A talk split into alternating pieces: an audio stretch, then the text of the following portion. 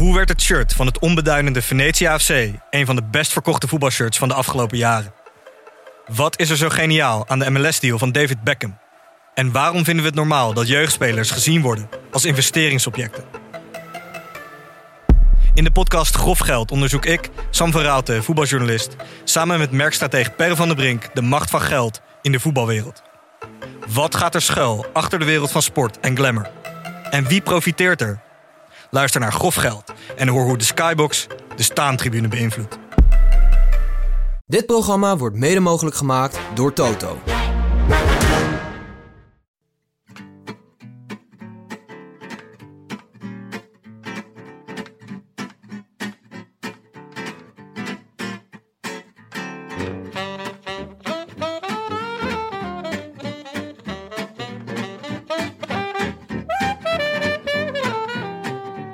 Zondagavond 4 april 2021. Het is Pasen. En vanuit de Dag en Nacht Studio's in Amsterdam-West is dit de Rode Lantaarn.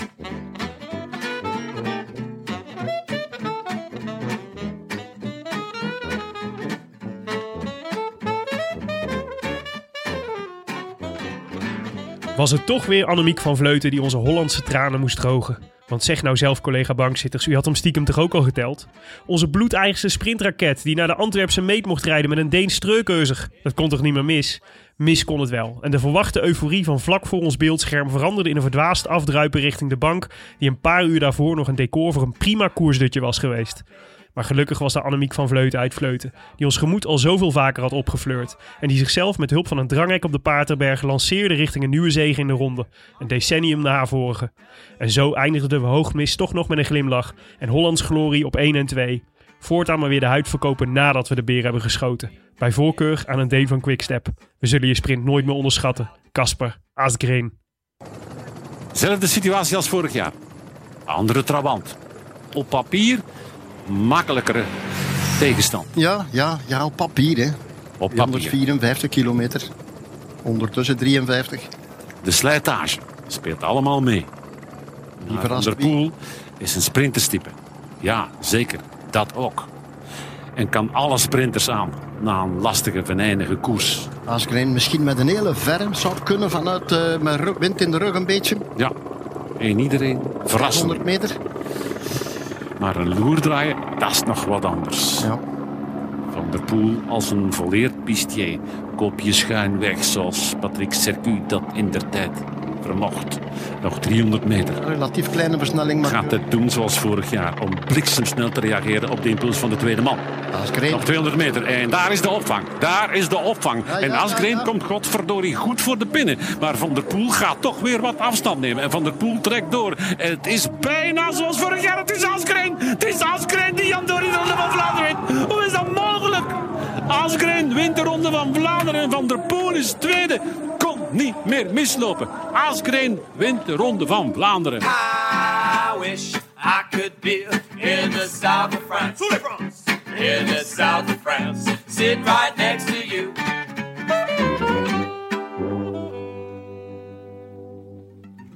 Jonne, eh, Tim. wij zitten hier lekker in de studio. Ge- ge- genoeglijk, warm, Ja. gezellig zou ik bijna willen zeggen. Maar er gaat te leeg, want er is geen Willem. Willem zit namelijk thuis en belt in. Willem, ben je daar? Jazeker, over. Hoe gaat het met je? Eh, ja, nou ja, op zich wel goed. Ik heb alleen net eh, een kwartier geleden een, eh, een coronatest afgelegd. Nog zonder resultaat. Maar eh, dat was, eh, ja, dat, ik, ik ben gewoon, eh, ik ben heel erg verkouden. En ik dacht, zo verkouden dat ik dacht, dit ga ik jullie niet, dit, dit, dit kan echt niet. Ik kan echt met geen mogelijkheid nu een excuus bedenken om toch naar de studio te komen. Ik moet dit op afstand doen. Ik moet in quarantaine. Wanneer krijg je de uitslag? Nou, tot nu toe zijn ze altijd vrij snel. Dus is het meestal zo binnen 24 uur. Dus ik verwacht in de loop van tweede paasdag wel de uitslag te hebben. Het klinkt alsof jij gewoon echt twee, drie keer per week zo'n test doet. Of ben ik gek? Nou, het is denk ik mijn vijfde of zo in het hele, Oh. in het hele coronajaar. Zo. Ja, dus het is op Pittig. zich... eh, dit was wel overigens de eerste... Normaal gesproken ga ik altijd naar zo'n grote... te- Of altijd. Was ik iedere keer op zo'n grote... Je ziet het echt als een groot- uitje, hè? Je denkt gratis, Ja. ik, pak, ik pak gewoon wat ik pakken kan. Nou, ik vind, ik vind het geen uitje, maar ik zie er ook niet meer zo tegenop. En ik vind het wel, ik vind het wel passend bij dit coronajaar om af en toe zo'n ding, eh, zo'n testje te halen. Maar eh, ik, was, ik was dus tot nu toe iedere keer op zo'n grote, van die grote locaties. Zeg maar de, de RAI en eh, volgens mij, nou ja, die heb je wel meer in Nederland. De jaarbeurs heeft ook volgens mij. Om toch een beetje dat festivalgevoel te krijgen. Ja, precies. Maar nu werd ik dus door, eh, door, de, eh, door de telefonist naar, eh, naar het Slotervaartziekenhuis gestuurd. Dat is zo'n ziekenhuis hier in Nieuw-West en dat is dicht. Die zijn toch failliet? Ja, die zijn failliet, ja. Maar dus, dus ik dacht van, nou, oh, dat is handig. Dan hebben ze dat, die, dat, dat, die, de ruimte van het ziekenhuis helemaal ingericht als, als teststraat. Maar ehm, dat bleek dus echt zo'n achteraf kantinetje te zijn... waar dan, nou ja, op zondagavond, zoals nu... eh, zaten gewoon eh, twee dames die, eh, die, die daar een soort kant, privékantoortje hielden. Ik was ook de enige, de enige klant van de hele avond. Ik vind het maar een raar verhaal. Ja, Volgens mij, ja. We- weet je kan- heel zeker... Ik denk dat je, als je nog geen corona had, dan heb je het nu wel. ja denk, Was het wel schoon? Was het schoongemaakt daar? Het was, eh, ja, het was zeker schoongemaakt. Ja, nee, het- alles, was, alles was legit. Ze verrichten alle handelingen exact hetzelfde als eh, in een normale teststraat. Zelfs iets sneller allemaal. En gezelliger. Ik mocht zelf kiezen welk neusgat. Welk, welke ben je voor gegaan? Links. Links, jongen. Eh, voor de kijkers links, inderdaad. Ja, ja, kijk. Heel goed. Dat is, verstandig ook, hè? Want de kogel kwam van links ook. Maar ja, je zou natuurlijk... Willem, eh, ik, eh, ik ben blij dat je er gewoon bent. Je klinkt als een nachtegaaltje. Het is natuurlijk wel... Het blijft natuurlijk gewoon corona-jaar, zeg ik maar even bij. Voor de, voor de luisteraars die dit over drie jaar nog eens terugluisteren. Maar Ja. dit is ook eh, de week dat we gehoord hebben dat eh, Parijs-Roubaix... Of nou ja, we moeten natuurlijk zeggen Parijs-Roubaix... Ach, jongens. voor, de, Kunnen we hier alsjeblieft mee ophouden? voor de tweede keer gewoon niet doorgaat. Dit is echt heel erg... Dit is Willems favoriete race, hè, dit. Ja, Ja, Nou, goed. Hij is, hij is natuurlijk officieel uitgesteld tot, eh, Ja. tot de herfst. Daar heb ik toch wel goede hoop op dat we dan eh, allemaal een vaccinatie hebben. En dat het dan allemaal wel weer een beetje oké is. Maar ehm, eh, ja, nee, ik vond het wel echt diep teleurstellend, ja. Ja, ik ook. Maar het voordeel aan de herfst wordt hij sowieso kliddernat. Of niet? Nee, Tim. En Ja. Weet, je, weet je wat ik wel jammer eraan vind? Dat hij nu niet doorgaat. Als hij nu zonder publiek was doorgegaan, had, had het eh, landschap er des te treuriger uitgezien. Ja, Ja, wel jammer, ja. want dat hoort dan natuurlijk een beetje bij die koers. En helemaal, het was vandaag mooi. Ja, eh, maar Parijs-Roubaix heeft het toch nooit echt van publiek moeten hebben? Dat is toch altijd wel... Er staat altijd wel wat volk langs de kant. Maar het is niet net als Vlaanderen of zo... waar ze dan met, met duizenden mensen op de muur van Gerardsberg staan. Nee, Vier klopt, maar, dik. maar, op die stroken natuurlijk wel.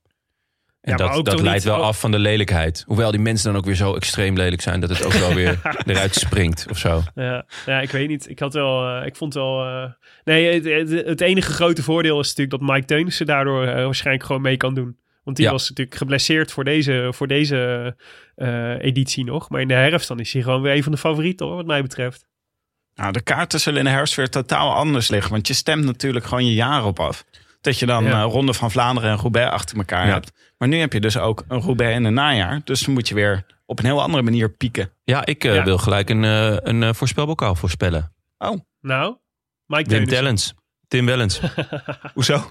Ja, het gaat regenen. Hij is altijd goed in het najaar. Maar Oh, meestal jij moet- denkt najaar regen. Dat najaar, is, dat najaar is is de regen. theorie die hieronder ligt. Wim Tellens is regen. En normaal gesproken wordt hij dan naar... Want hij is altijd goed in het najaar. Wordt hij dan naar Guangxi gestuurd. Omdat dat het enige is wat er nog te winnen valt. Die, die wint hij dan ook. Maar dit jaar Ja. gaat hij gewoon eh Roubaix eh, winnen. Weet Of je wie ook altijd goed is in het najaar? Bauke Mollema. Oh, Zeker. Ja. Het mollemonster. Kan Mollema niet gewoon, Roubaix, eh, dat, dat ja. zou wel spektakel zijn zeg. Die gast is natuurlijk wel- inmiddels van leer, dus dat moet kunnen. Wat natuurlijk wel heel raar is dat je anders dan, eh, dan, dan vorig jaar bijvoorbeeld, wordt het wel echt zo'n beetje zo'n geïsoleerde klassieker. Dus dat je, dat je vorig jaar was het natuurlijk, was het natuurlijk al die, al die klassiekers die dan in één keer een andere timing hadden gekregen. En waarvan er in één keer dus in het, in het, heel veel in het najaar belanden. Maar nu is eigenlijk alle, alle logica. Is een Parijs-Roubaix wordt echt zo'n geïsoleerde wedstrijd. Ja. Ik ben heel benieuwd hoe mensen dat gaan opnemen in hun programma ook. Nou, Ja, Wat, rijd je dan, wat kun je dan eh, nog als, als voorbereidingskoers rijden? Hij is een week voor Lombardije. Dus misschien gaan ze hem rijden als eh, voorbereidingskoers voor Lombardije. ja.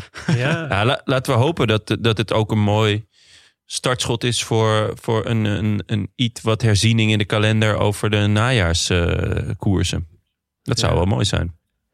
Omdat hij, Ja, niet, eh, omdat hij niet goed is nu.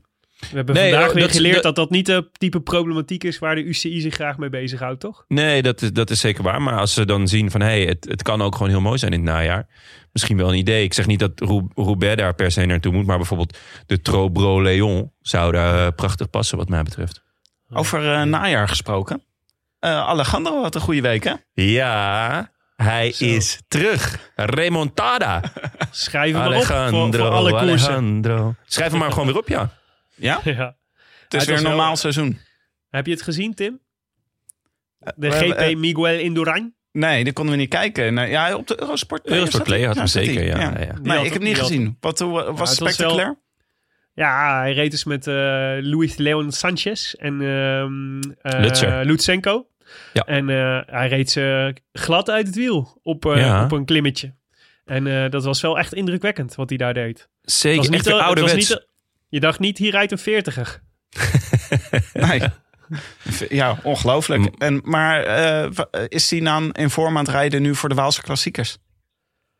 Is dat het? Ja. Ja, zeker. Ja, hij, eh, hij staat er gewoon op. Kijk, ehm, de Amstel Gold is hij eigenlijk nooit goed. Maar eh, de pijl is hij natuurlijk recordhouder. En eh, LBL eh, bijna recordhouder. Dus ehm, ja, ik zou het wel echt heel vet vinden als hij gewoon weer goed gaat zijn. En hij was in ehm Catalunya, wordt hij gewoon vierde. En toen dacht ik al, oeh, zou het dan toch? Zou die diesel gewoon aangeslingerd zijn? En, ehm, want hij is, hij, van oudsher heeft hij altijd een heel vol programma. Dus hij heeft gewoon die koersdagen ook nodig. Traint hard en eh, veel koersdagen. En ik denk dat het vorig jaar daar een beetje mis is gegaan. Met, eh, dat is met wel meer oudjes, eh, oudjes, volwassenen eh, Ja, zo gegaan. precies. Maar ehm, ja, ik, ik ben heel erg benieuwd. Hij gaat eh, deze week, daar komen we nog over te spreken, gaat hij ook Baskeland rijden. En ehm, ja, dan weten we meer. Hij, was zelf ook, eh, hij was zelf ook als een kind zo blij. Ja? Ja, Ja. kan ik me wel voorstellen. Ja, ik echt, echt dat je, dat je, hij ging, kwam over de finish en hij was echt, hij, je zag echt zo de opluchting. dat Ja. hij echt, volgens mij zelf ook echt wel had getwijfeld van, gaat dit nog lukken? Wordt dit nog iets? Waar doe ik het nog voor? En eh, dus ik, ik denk ook echt serieus, ook in, het, eh, in eh, richting de Ardennen, de Wallonië en de Ardennen en zo, dat hij echt heel veel vertrouwen heeft getankt hieruit. Ja. En dat, die, dat we echt weer de oude pokeraar terugkrijgen, weet je wel? Die ook, ja, hou maar weer rekening met hem gewoon. Mooi hoor. Ja, laten we het hopen. Laten we het, laten we het absoluut hopen. Oké, even terug naar de orde van eh, de aflevering. Order. Waren er nog verzoeken tot rectificaties, Jonne?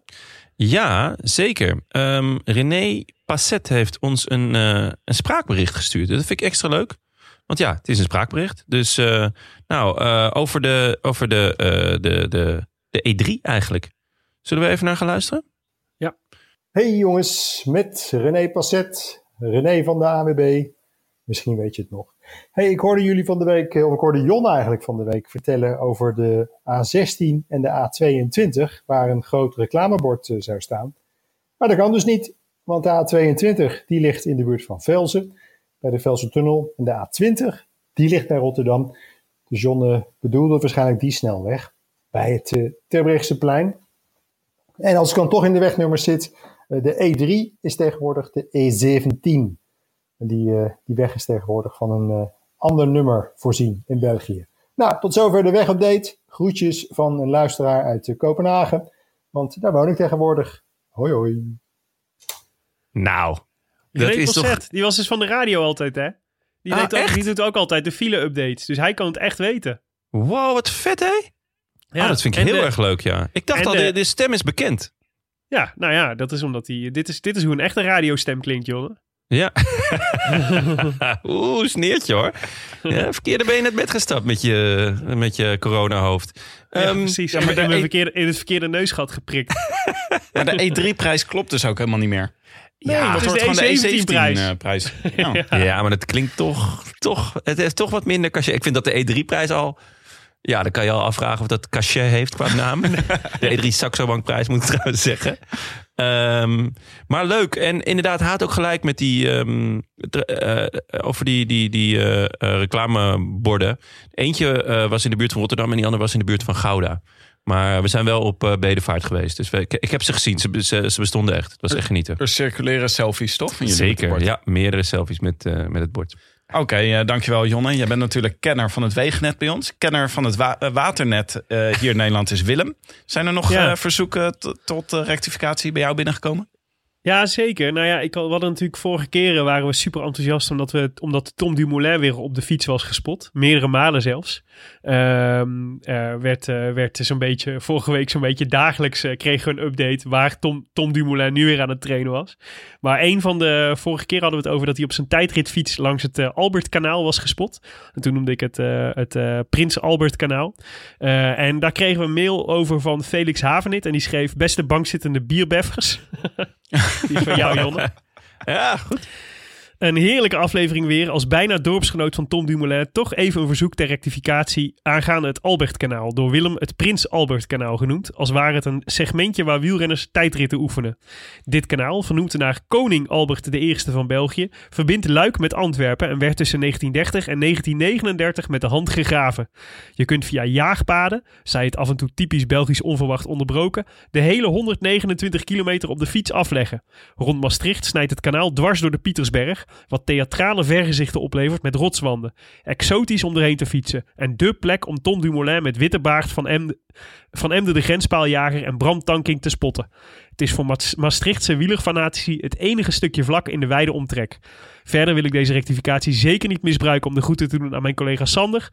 Dus sluit ik af met een dikke chapeau aan jullie. Mijn licht in donkere pandemische tijden. Wees gegroet, Felix uit Kannen. Nou, Schitterend. Koning Albert kanaal dus. En het is eh, inderdaad geen segmentje. Het is gewoon 129 kilometer lang beuken. Ja.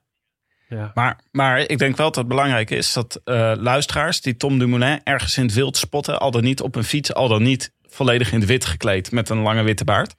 Laat het ons vooral weten, want dat vinden wij natuurlijk eh, als eh, ja, dat leden van de vereniging de Dumoulisten vinden dat belangrijk. Toch Willem? Dat vind, ja, dat vind ik heel goed. Dus laat het ons vooral weten. Maar wij zullen er vervolgens over zwijgen. Want eh, volgens mij moeten we de concurrentie niet wijzer maken dan die is. En het, het gaat natuurlijk over het verrassingseffect straks op de Olympische Spelen.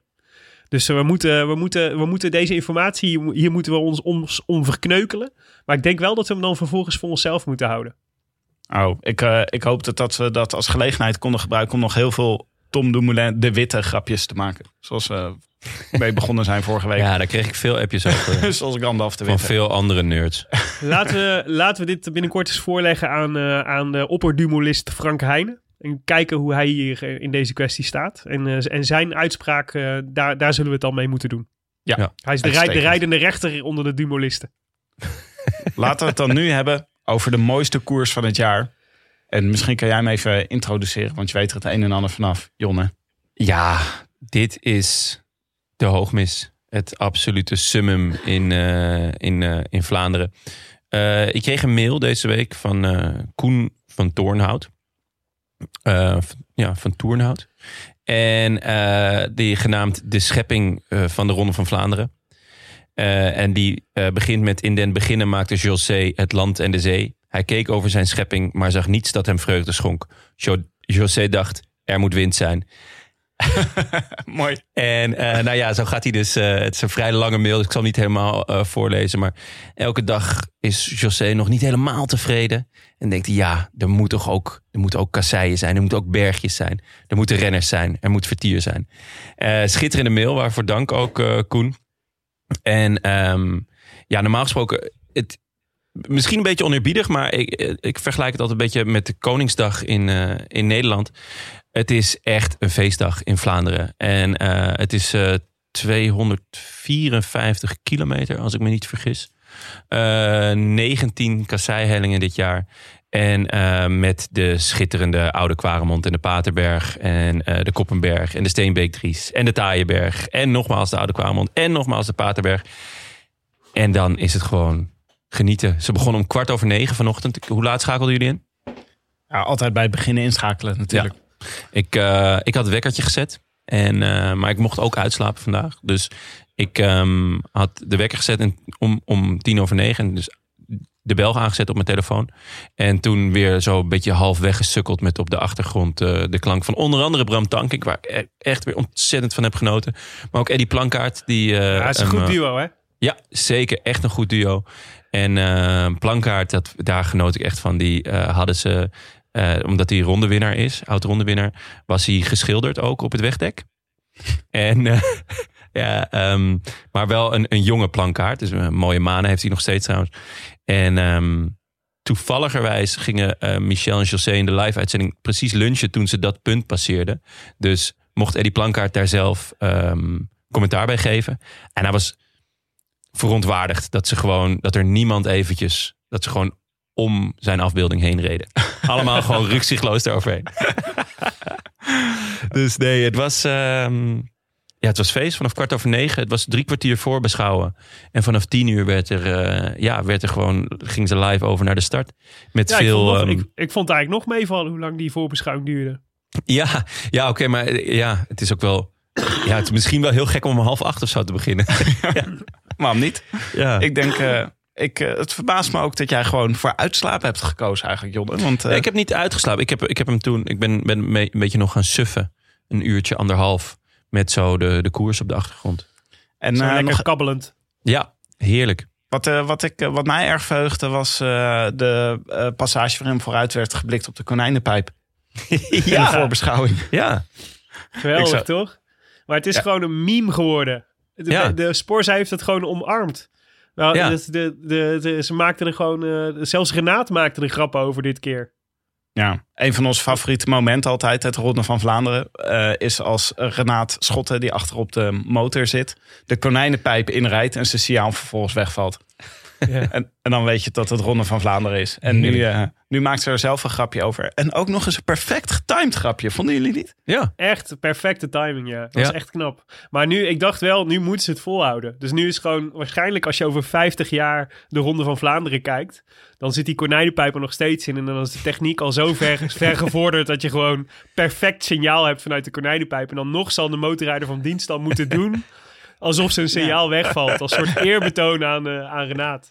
ja. Maar Renaat praatte het perfect vol, want hij, had, hij reed, reed dus op de konijnenpijp af. En Ja. hij, eh, hij moest dus perfect timen dat zijn signaal inderdaad wegviel op het juiste moment. Dus je hoorde hem zo zeggen van... eh, ja, en dit keer gaat het ons lukken en valt het signaal niet weg in de konijnen... Ja. Echt geweldig. Echt een televisiemoment van het jaar. Ja, zeker. Ja. Ja. Ik heb Nominaties binnen hoor. Ik heb hem echt een paar keer teruggekeken. Dat was echt gewoon. Deze, je weet nu al, je weet nu al ook al, ook al dat hij in, eh, in de ronde 105 terechtkomt. Die documentaire die ze ongetwijfeld dit jaar weer zullen maken van, eh, Ja. van, eh, van de ronde. Hebben jullie over, daarover gesproken? Hebben jullie die eh, gekeken ter voorbereiding? Nee, nog niet. Ik heb hem nog niet gezien. de Die ronde 104. 104 bedoel ik? Nee, Ja? nee, nog niet. Nee, is, wel wat stukjes uit, maar nog niet helemaal. Was eh, wederom een aanradertje hoor. Ja, ja elk jaar weer mooi. Ja, is een heet, eh, eh, oh, nu weet ik. Heb jij hem wel gezien, Tim, of niet? Ja, ik heb hem wel gezien. Ik vond het echt weer heerlijk. Hoe heet nou, eh, ik zit nu te denken, hoe heet de man nou die, ehm, die eh, normaal gesproken op de motor zit ook, eh, bij de radio. Eh, die, werd nu, die deed het nu vanuit zijn huiskamer. Eh, heb, je die, heb je die meegekregen, Be- meegevolgd? Die, oh god. die Ik was, even dat, was, dat was het echt. Wacht, dat was pak het belletje maar alvast hoor, jongens. Ja? Dat was zo'n fantastisch beeld. Die, zat, die, was, die man zat in de woonkamer op zijn bank eh, met een geluidsinstallatie voor om de koers te volgen en commentaar te geven. En, ehm, eh, en eh, met achter hem een prachtige, prachtige foto van hem en zijn, en zijn, zijn vrouw en zijn dochter. En zijn vrouw kwam ook af en toe koffie brengen. En op een gegeven moment vroeg hij, ze vroeg iedere keer, wil je er nog iets bij? En op een gegeven moment zei hij, graag een koekje. toen, toen nam hij me zo voor hem in. Dat was echt zo Ja, fantastisch. heel vet. Was dit. Karel het Bartelen? Karl, Karl Bartelen, ja zeker. Ja, ja, ja. Ja, de, B, Ja, mooi. de B naar 8. We komen langzaam in de buurt van het woord. ja, ja dat was, maar dat was echt geweldig. Ja, Enfin, Kijk, eh, hem, eh, kijk hem alsnog op de Sporza-site, kan het. Je moet alleen Ja. een eh, Belg- Belgische postcode in, eh, in, eh, als in je profieltje zetten. Maar die kun je gewoon Ja. googlen. ja Molenbeek. Oh, ik Eh. heb Waregem. Jij doet dat in Molenbeek? Ik doe het Molenbeek. Ja, even. Dat is goed voor de. Ja, die- Street creds. Ja, voor de street creds. Mooi om dat soort dingen altijd in je hoofd te hebben. Zo doe ik altijd voor een Amerikaanse postcode doe ik altijd Beverly Hills. 90 Ja. 210. Ik denk dat iedereen dat doet, Tim. Ja, Oh nee. Oh, ik Ver-. Verzin een, Bel- verzin een Amerikaanse postcode. Ja, dat is toch waar je op uitkomt.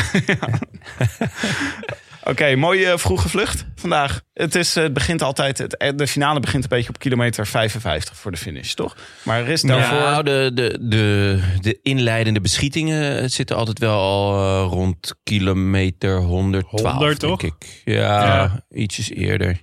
Nou, er valt er sowieso altijd genoeg te beleven qua materiaal, pech, valpartijen, gedrang, dingetjes, relletjes. Ja. Zo ook vandaag. Eh, nou ja, op zich een mooie vroege vlucht, toch? Ehm, we hadden... Heel mooi. Nou ja, het was eh Bissegger, Stefan Bissegger zat erbij. Matthias Noorskaart, Jelle Wallijs, Fabio van den Bossen. Matthijs Pasens. Dat is natuurlijk Ja. extra leuk hè, vandaag. Later ook Hugo Hoele, En, en Nico Dent. Ehm, ja, mooie groep. Ehm, ze hebben ook... Ja, we hebben mooie ze lang groep, zien echt rijden. sterk. Ja. Ja, vooral, eh, het is raad- normaal gesproken denk je altijd... Ik, ik denk dat ze... Je zag hier Movisma ook best wel een beetje eh, eh, vroeg eh, proberen om, eh, om, de, om de, de, de vlucht weer een beetje onder controle te krijgen. Want ik denk dat ze wel schrokken op zich van... eh, van in eerste instantie gingen er natuurlijk eh eh 1, 2, 3, 4, 5 man weg. Mhm. Eh, waaronder wel Bissegger en Noordsgaard en Wallijs met name. Wat natuurlijk wel echt eh, alle drie hardrijders zijn. Eh, van de Bossen en Paasens zijn denk ik, nou ja, die, die vallen denk ik net in de categorie daaronder. Maar dat, was, dat, dat vond ik al best wel stevig om weg te laten rijden. Want dan denk je, die zijn met vijf, dat is nog wel oké. Maar toen kwamen Hoele en Dens er ook nog bij. Dat zijn natuurlijk ook twee ervaren jongens die ook, ook gewoon hard kunnen koersen. Dus ik vond het eigenlijk best wel een zware bezette eh, eerste groep. Eh, en eh, en die ook best wel snel ook aardig wat voorsprong kregen. Dus het werd echt 12 minuten. Ehm, eh, dus op een gegeven moment was er ook echt wel dat, dat, er, dat het koersverloop zo was dat je op dacht, nou, het zou best wel eens kunnen dat één of twee van deze gasten zich echt tot in de finale zouden kunnen gaan meten.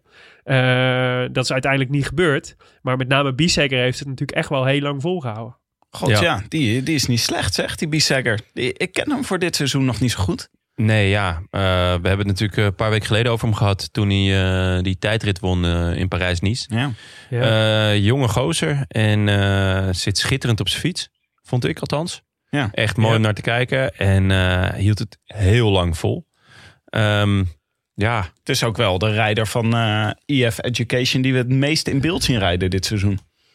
Want dat is, ja, ja, voorlopig. Ja, Betty Jos stelt natuurlijk teleur. ja. Valkeren nog niet gezien.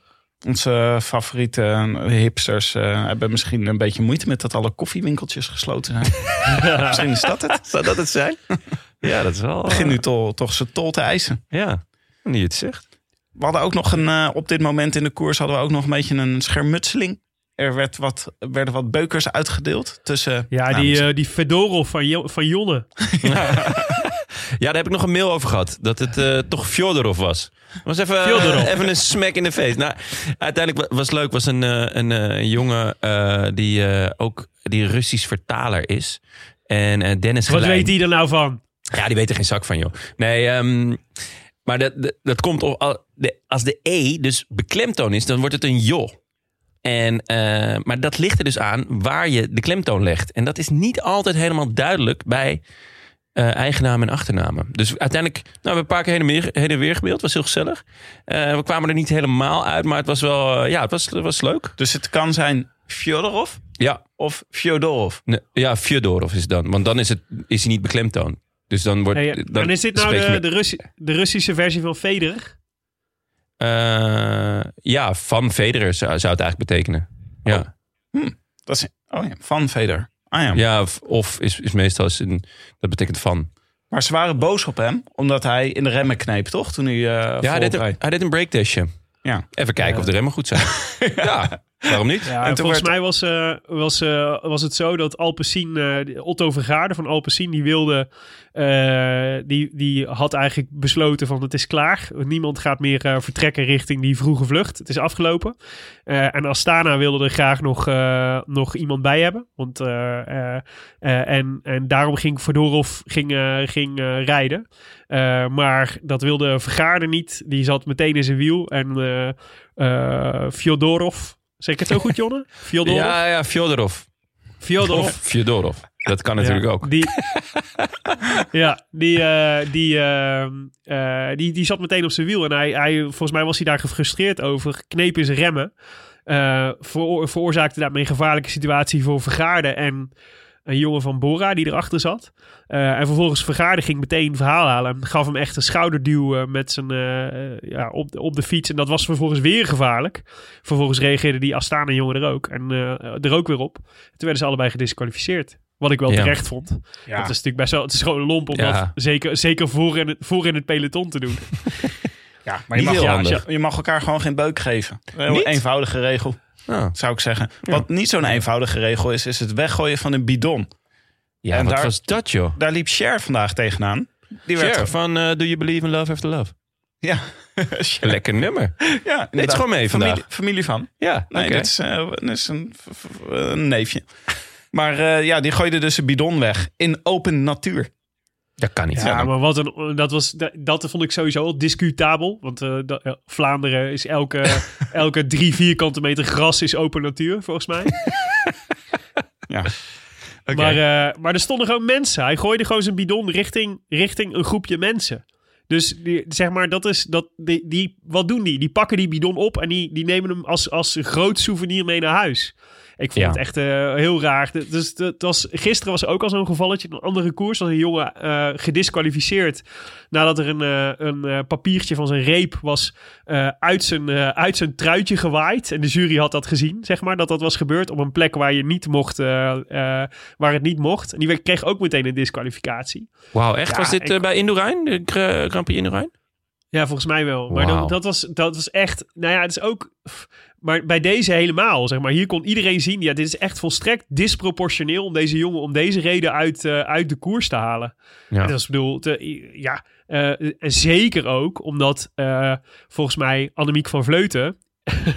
nee, niet eens zo gek veel. Een andere... eh, die deed gewoon precies hetzelfde Ja. in, in, in haar koers. Ja. Maar ja, ga je de winnaar disqualificeren? Ja, Mathieu van der Poel deed het ook vrij demonstratief in beeld.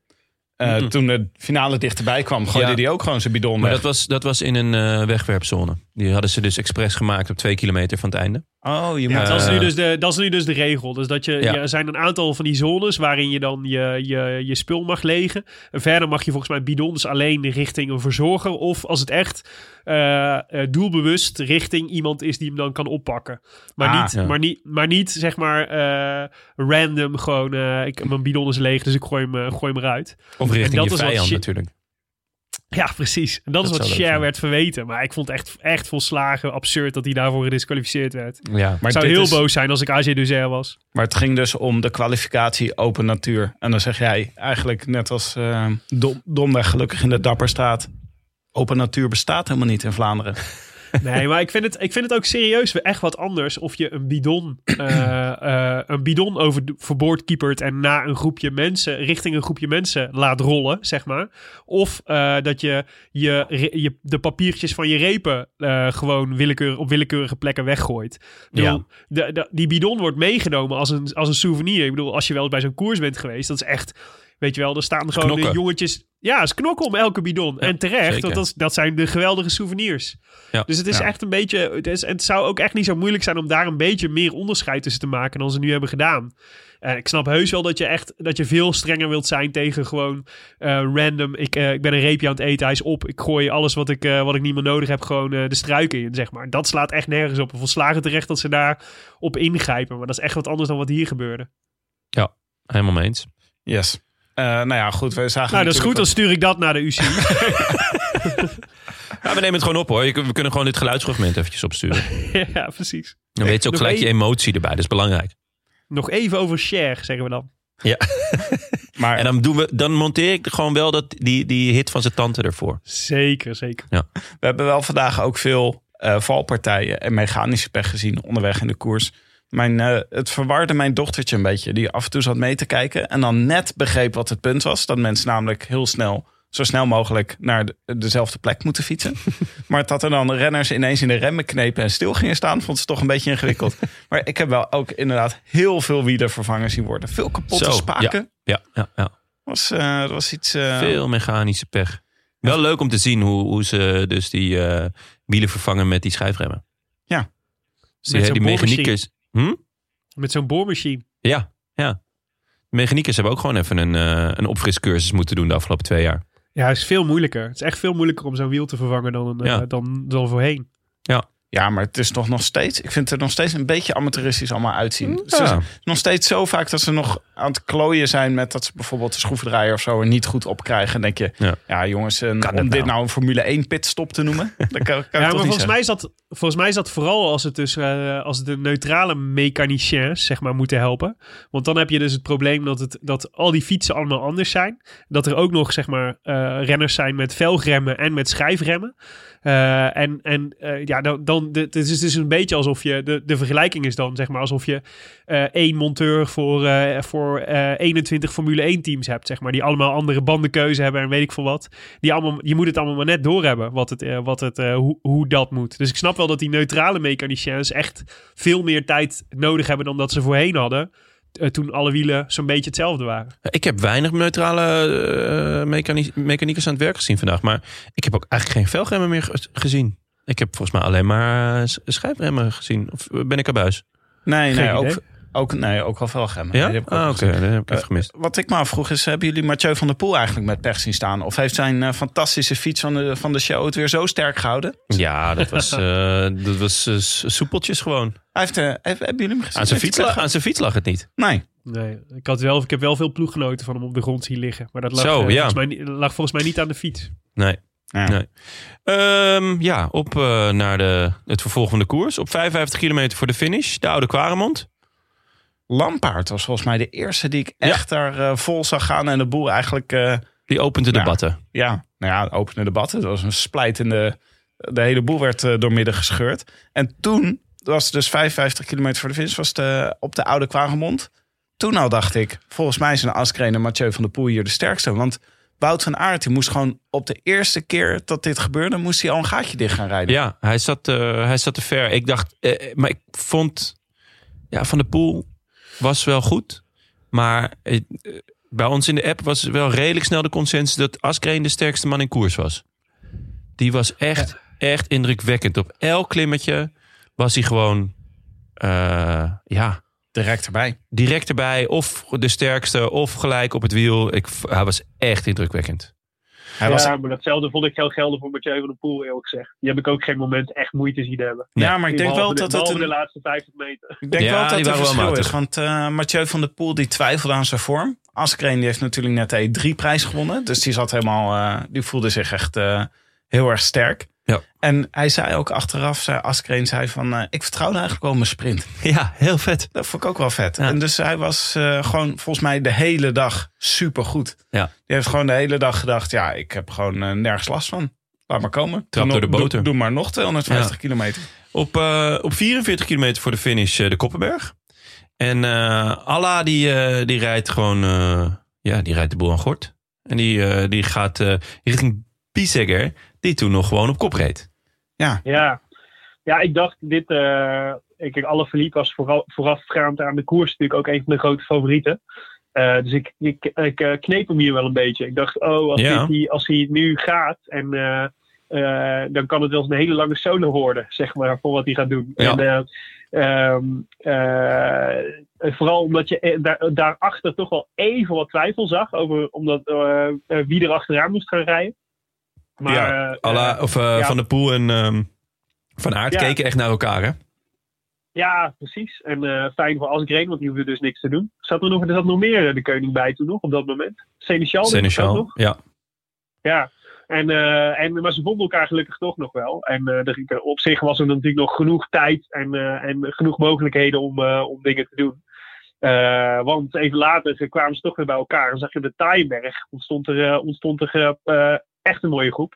Eh, met alle Philippe en Van Aert en eh Haller, die, eh, die keurig van tevoren was weggesprongen.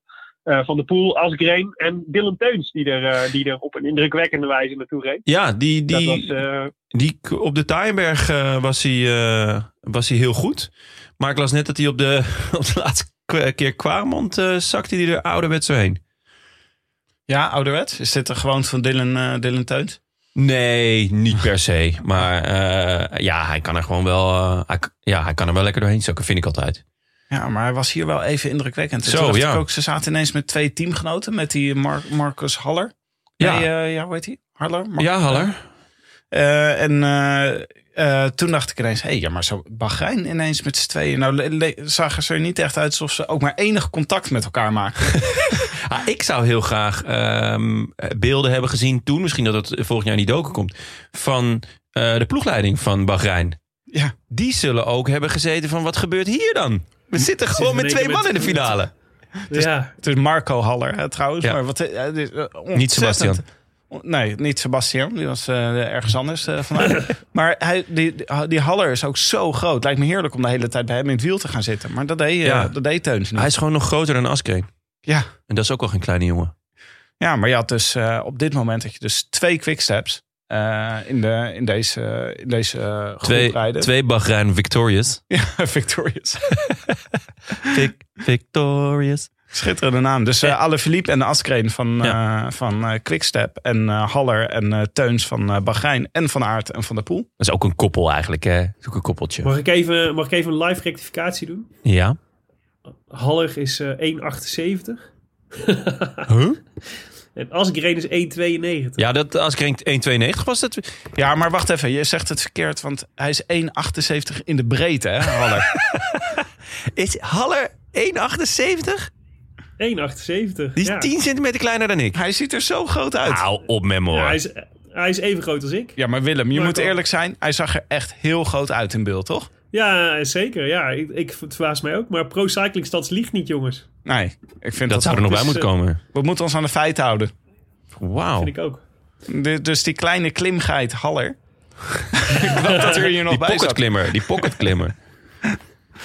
Wauw, oké. Dit, dit- Ik schrik hiervan. Eh, van Klappie. Ja, dit is wel een tik. Maar wisten jullie op dit moment... Wat, wat dachten jullie van eh, Van der Poel en Van Aert op dit moment in de koers? Ja, ik dacht eigenlijk alle, dat ze alle... Nou, Van de Poel dacht ik wel dat hij goed was inmiddels. Van Aert had ik een beetje mijn twijfels over. Maar Van Ja, de Poel ook. Maar dat kwam eigenlijk doordat hij van tevoren had gezegd... dat, het, dat, dat zijn vorm niet meer top was. Dat het gewoon een beetje een aflopende zaak was. Maar Ja, dat was in de, dat, dat was, dat, daar heb je zeker gelijk in. Maar in de koers was er toch geen enkele Nee. aanleiding om te denken dat Nee. Van der Poel iets anders was dan top. Klopt. Hij was gewoon, eh, ik vond hem echt eh, soeverein. Oh, Ja. en zelfs, eh, nou ja, ik bedoel, Asgreen, dat zei je goed, die ging iedere keer makkelijk mee en het lukte. En, en, maar ik had, ik had voortdurend het gevoel van de Poel is hier echt de sterkste man in koers. En, en, en, en Van Aert inderdaad zeker niet. De alle Philippe zag je al eerder. Dat bleek dus, die aanval bleek eigenlijk volgens mij vooral een daad omdat hij toch niet zo goed was als hij had gehoopt.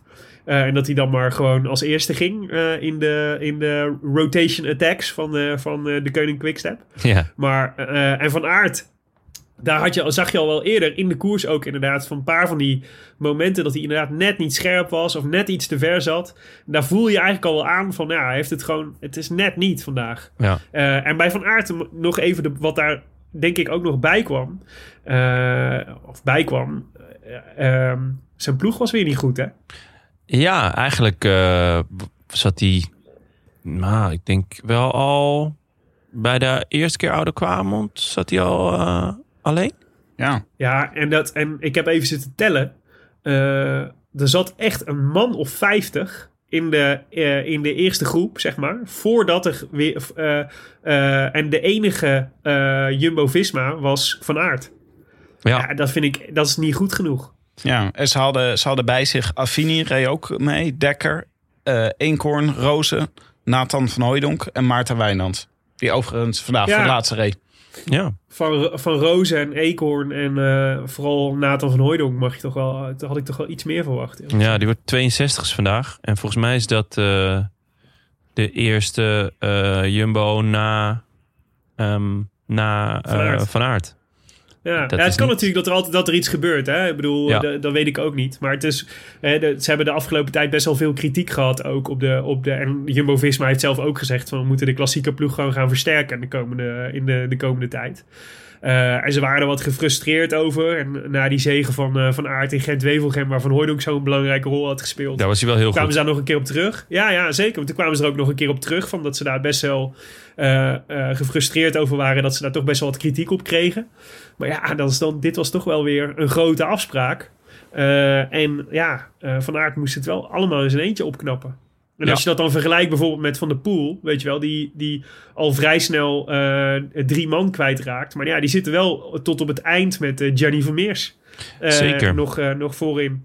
Ja, Ja. die was ook wel weer heel goed vandaag. Hij heeft Jumbo Ja. ook niet heel erg veel eh, renners in de ploeg die potentieel geschikt zouden zijn voor kasseien, eh kasseien klassiekers. Nou ja, Teunissen is natuurlijk wel een groot Het is- verlies. Kijk, Ja, als, Teunissen missen ze. als je gewoon ehm, je, je mede-kopman of je schaduwkopman... of je, eigenlijk je één na beste man verliest... ja, dan er is eigenlijk maar één ploeg die daar geen last van heeft... en dat is de Koning. Die stelt Ja. dan gewoon een andere klepper op. Ja, Eh, dat is letterlijk, maar- hè. Ze waren St- Stibar eh, waren ze kwijt. Dat Ja, en dat merk je dus niet, maar kijk. Als, als eh Alpes in Phoenix eh, Vermeers niet had... ja, dan, dan is het ook daarna zoeken naar van... hé, hey, wat is nou eigenlijk de steun voor, ehm, voor Van der Poel... Ja, dat is En- natuurlijk zo. Maar, maar zeg maar een ploeg die... Dat is natuurlijk, dat is waar. Maar de, de ploeg met de status van Jumbo-Visma... eh, is natuurlijk nog wel wat anders dan Alpecin Phoenix. Hè, uiteindelijk. En het is natuurlijk ook... Je hebt ook gelijk, door Teunissen, daar kan niemand wat aan doen. En je zou zelfs kunnen zeggen... Dumoulin zou ook eigenlijk Vlaanderen gaan rijden dit jaar. Ja. Daar had hij, had hij ook nog wel wat aan gehad. Maar dan nog is het wel, het is wel jammer dat het, eh, dat het, eh, dat, nou, het is, het is gewoon, ik vind het gewoon wel echt jammer dat je dan, dat je dan met zo'n 60 man eh, vooraan zit en dat er dan, dat, dan, dat er dan gewoon je, geen, behalve van aard, geen enkele andere geel, geel-zwarte meer zit. Ja, jij zegt eigenlijk... Wat, je, je zit eigenlijk gewoon in team, team Michel Wuits. Roglic had hier gewoon moeten starten. Dumoulin en Teunis hadden hier gewoon moeten starten. Ja, Dat was toch wel leuk Ja, kijk, dat zijn ook, toch ook wel gewoon twee gigantische namen die wegvallen. Moeten we ook eerlijk in zijn. Maar Dat is gewoon een, echt moeilijk op te vangen. even een theorietje bij jullie testen over Oh. Wout van Aert. Ja. Want eh, hij kon dus steeds net iets te kort eigenlijk eh, dit voorseizoen. eh, Mhm. tot nu toe. Maar hij is zo ontzettend goed geworden bergop en in de rondes en in de tijdritten. Zou het ook niet kunnen dat hij zijn training iets heeft aangepast? Misschien zijn fysiek iets anders is geworden? Dat hij zo'n allrounder is geworden dat het gewoon moeilijk is om met echte specialisten hier eh, mee te komen? Ja, misschien wel. Aan de kant, hij, hij wint ook gewoon wel massasprints. Hè? Hij heeft gewoon Ewan geklopt, ook al in een massasprint dit jaar. En, en hij wint wel gewoon Gent-Wevelgem. Maar misschien is dit... Ja, zijn die korte, venijnige kasseiklimmetjes...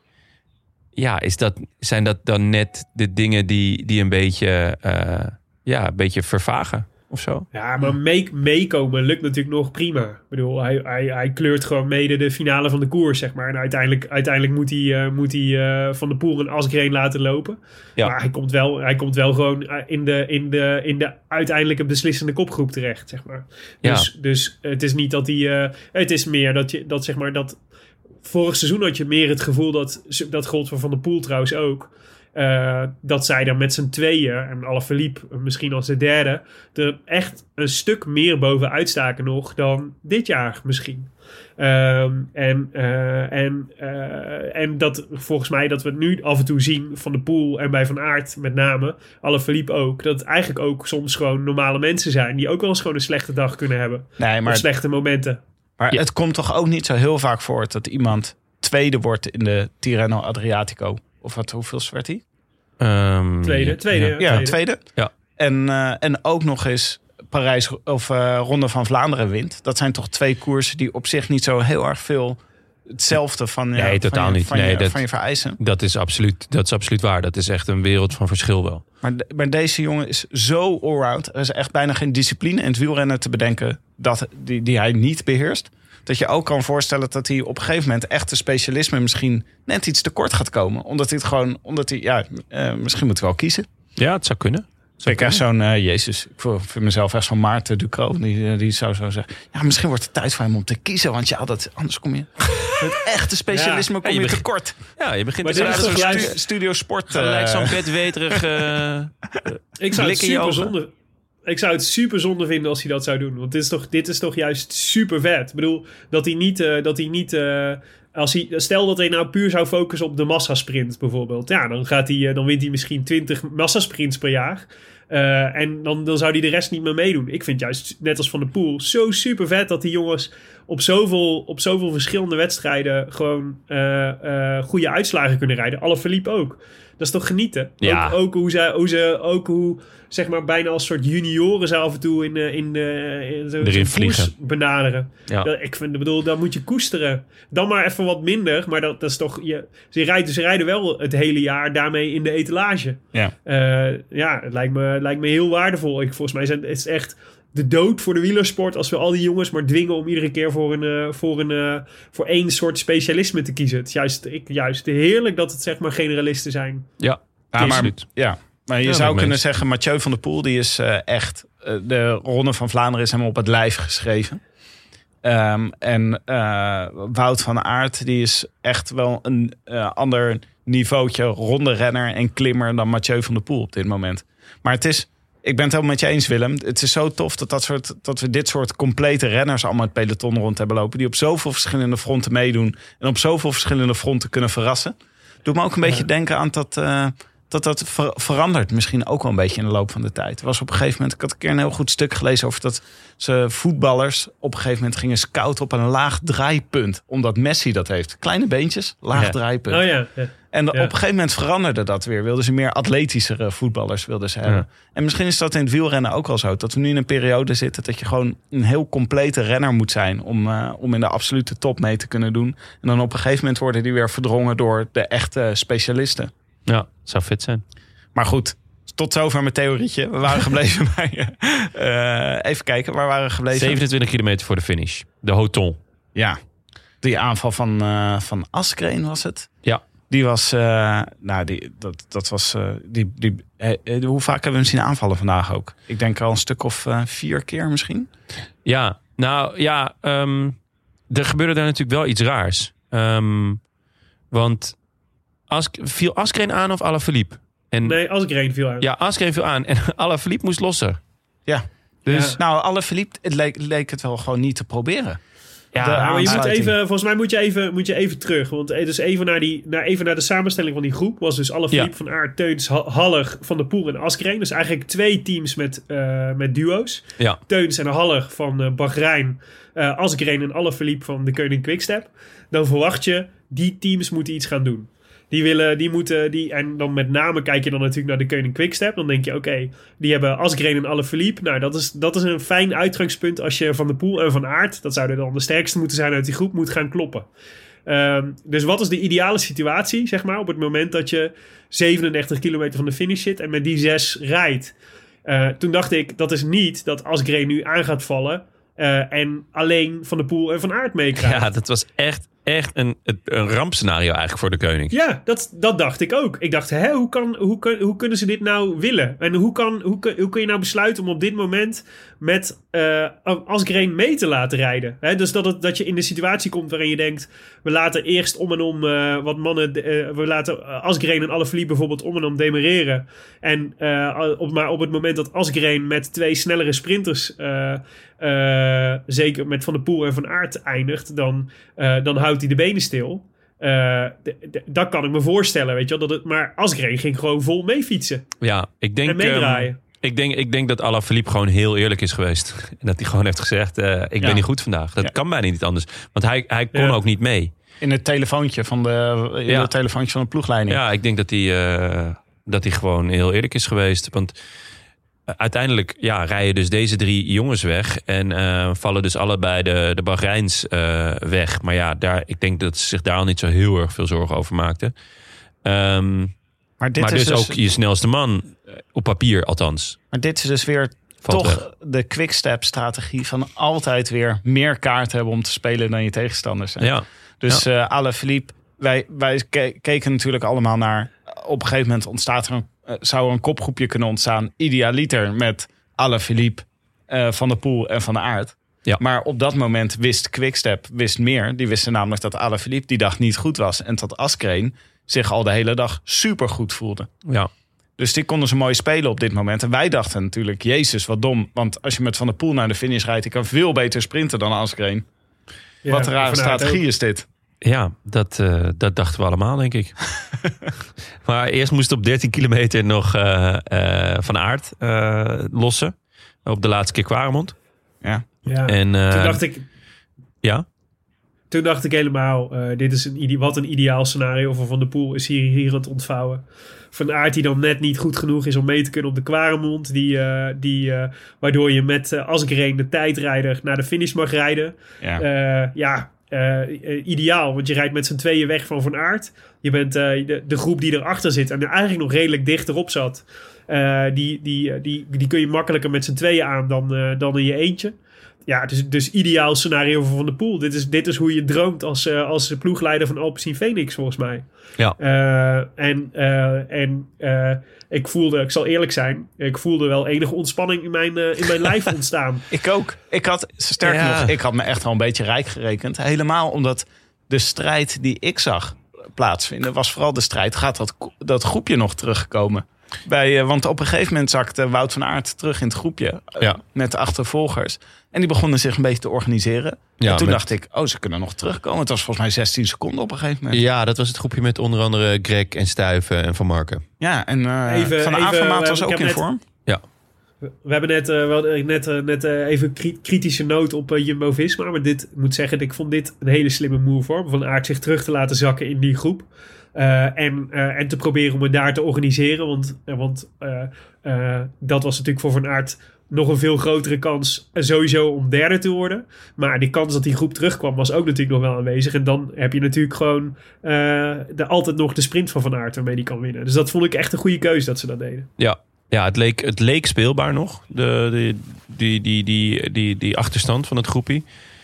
Maar de laatste kilometer of zoiets, of laatste anderhalf, zei Askreen. Toen zei hij van, nou ja, toen wist ik wel, oké, we hebben 30 seconden.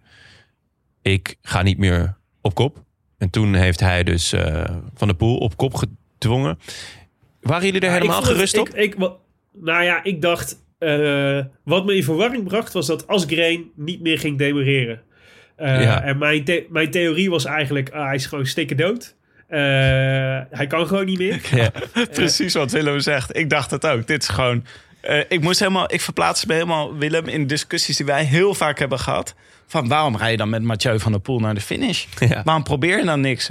En ik, ik dacht, Ja. nou, de enige reden waarom hij niks probeert, is omdat hij kapot is. Hij gaat gewoon voor de tweede Want, plek. Ja, want wegrijden lukt niet bij Van der Poel, die op eh, volle stoom is en een achtervolgend groepje.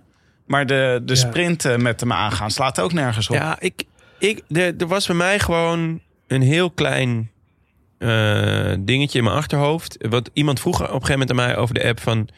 Hey, ehm, kan eh Askreen sprinten? En om heel eerlijk te zijn, wist ik het gewoon niet. Ik had hem eigenlijk nog nooit een sprint zien rijden. Eigenlijk omdat, het, omdat hij natuurlijk ook een, een, een tijdrijder, hardrijder is. Hij heeft één keer een sprint gewonnen van TJ van Garderen. Oeh, BJ. Ja, die, maar die kan ook niet diep gaan, hè? Nee, dus ehm, ik, ik wist het gewoon eigenlijk niet. Eh, en, maar ja, laten we wel wezen. Van de Poel is een van de snelste eh, uit het peloton. Dus echt zorgen maakte ik me niet.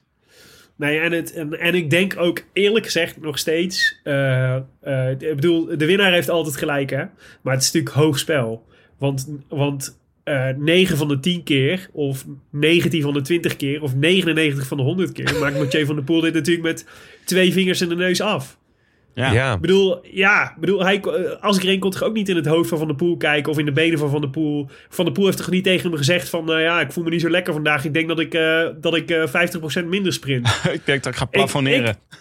ja, nou ja, ik bedoel, ik bedoel je- ja, hij heeft, hij heeft, eh, het, het is hem gelukt. Hij heeft, hij heeft gewonnen in de sprint en dat was super indrukwekkend. Maar het is natuurlijk, ja, ik vind het nogal een gok die, je- die je daar, die je Ja. daar neemt. Als je, kennelijk de, als je kennelijk wel de energie hebt om, eh, om nog zo'n sprint aan te gaan. Nou, hij zegt achteraf, zegt hij, ik had vertrouwen in mijn sprint.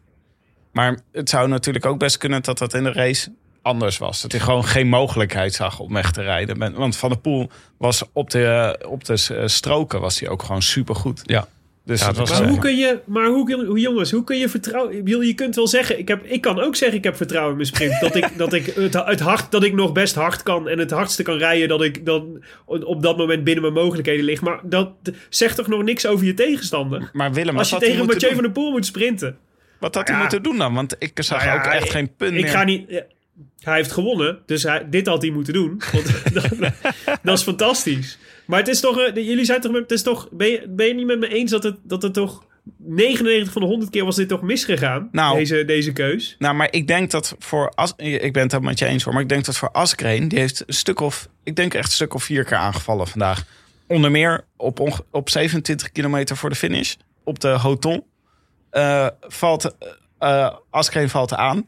En dat was volgens mij zijn poging om met een aanval weg te rijden. Maar als je dan op een gegeven moment in die laatste 13 kilometer zit... die gewoon vlak zijn...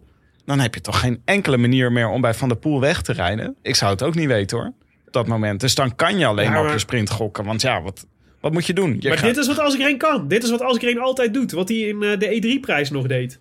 Eh, Ja, namelijk, maar- namelijk wegrijden en eh 10 meter pakken en ze zien hem nooit meer terug. Want hij kan supergoed in zijn eentje rijden. Ja. En ik Ja. snap wel, ik bedoel, het gaat natuurlijk, uiteindelijk gaat het volgens mij over kansberekening. Dus wa- hoe maak ik de meeste kans om te winnen? Ik denk niet dat iemand van tevoren had gedacht dat als Van der Poel en Asgreen samen naar de meet rijden, zelfs al is, heeft Asgreen supergoeie benen, dat Asgreen de sprint wint van Mathieu van der Poel. Nee, klopt. En dat hij wel een kans had gehad op het moment, in ieder geval een grotere kans had gehad op het moment dat hij had geprobeerd om weg te springen bij Van der Poel of er een langere sprint van te maken. Ja. Want dat vond ik ook nog raar. Het was een superkorte sprint. Van, Ze stonden bijna stil. Het was de ideale sprint van Van der Poel. Ja, Oh jongens, ja. Ik denk dat we even... Dus, laten dus we heel je, even... kunt tussen- wel, je, kunt, je, je kunt wel naar het, je kunt ook naar het casino gaan, zeg maar, en, en alles op 31 zetten. Maar dat- dat is een beetje wat Asgreen heeft gedaan. En toevallig viel het balletje op 31. Ja, en en, achteraf dat, en zei daarom geeft... ik heb heel veel vertrouwen in gelijk achteraf. 31. Ja, ja, precies. Ja, dus, dus dat, is, dat, en dat is super knap. En dat is natuurlijk, maar het is natuurlijk ook een beetje, ja, het is natuurlijk, ja, het is een beetje gek gewoon. Ja. Eh, Ja. Maar die sprint, hè? Wat gebeurde er volgens jullie in die sprint? Want ik, ik zat te kijken. eh, 500 meter voor de, voor de streep reed Van der Poel eh, licht geagiteerd voorop. Want Askreen die zat gewoon netjes in zijn wiel en liet, Ja. eh, liet Van der Poel daar een beetje zitten. Nou, toen ja Van der Poel 405, keek, keek 400 goed meter om de hele tijd. gebeurde nog niks. Nee, Ik dacht, ja, precies hetzelfde als wat Willem zegt. Ik dacht, nou, dit speelt Van der Poel volledig in de kaart. Want nou wordt het Ja. gewoon op een explosieve sprint. En Van der Poel die ging van kop af aan. Eh, ging die aan, want ja, hij moest wel op een gegeven moment. ja, hij werd de dacht ik, nou ja, 300 meter, keihard rijden. Dat kan niet toch heel erg goed. Ja, Maar het zag er ook een beetje gek uit, want het ging 100 meter goed. En toen begon hij ineens echt absurd met zijn fiets heen en weer te slingeren. En toen hield hij ermee op. ja. Ik, ik, ik weet eigenlijk nog steeds niet zo heel goed wat er nou eh, gebeurde. Ehm, Ja, ik denk dat hij voelde dat, eh, dat, eh, dat het bij hem, eh, dat zijn benen vol liepen en dat Asgreen eh een hogere snelheid had.